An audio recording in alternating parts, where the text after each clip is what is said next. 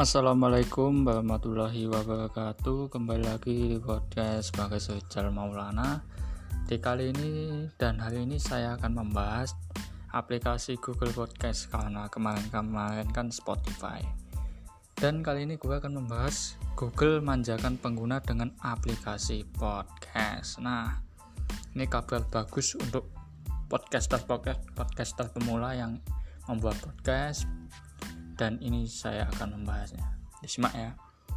Podcast resmi Google telah dirilis. Ini para pendengar setiap podcast dapat lebih mudah untuk mencari episode program yang diinginkan, diinginkan melalui aplikasi terbaru yang dikeluarkan oleh Google. Aplikasi episode program yang tersedia di internet atau biasa disebut dengan podcast resmi diluncurkan oleh Google Podcast di pertengahan Juni 2018 tahun lalu. Podcast umumnya merupakan sebuah rekaman asli audio atau video. Namun tak jarang pula podcast berbentuk sebuah rekaman siaran televisi, program radio, video perkuliahan, pertunjukan, atau acara lain.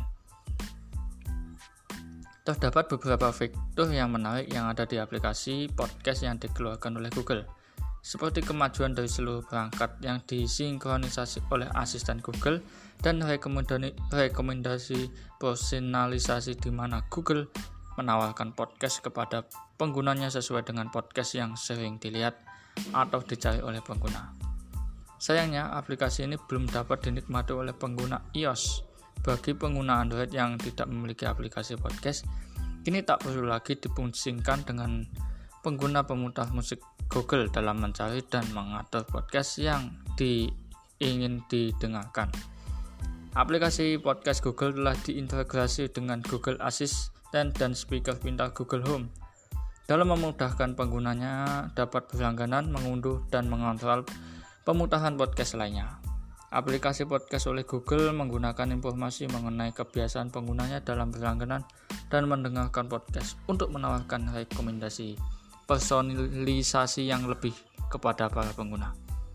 Aplikasi ini juga dapat menyinkronkan seluruh perangkat yang terhubung dengan Google Assistant, sehingga pengguna dapat memberhentik, memberhentikan sementara podcast yang sudah didengarkan melalui telepon genggam pada saat di perjalanan dan dapat dilanjutkan kembali melalui perangkat yang berbeda ketika di rumah. Aplikasi podcast resmi milik Google ini rilis dengan lebih dari 2 juta podcast dan tersedia secara global di aplikasi Play Store dan 47 bahasa yang didukung. Wah, menarik bukan?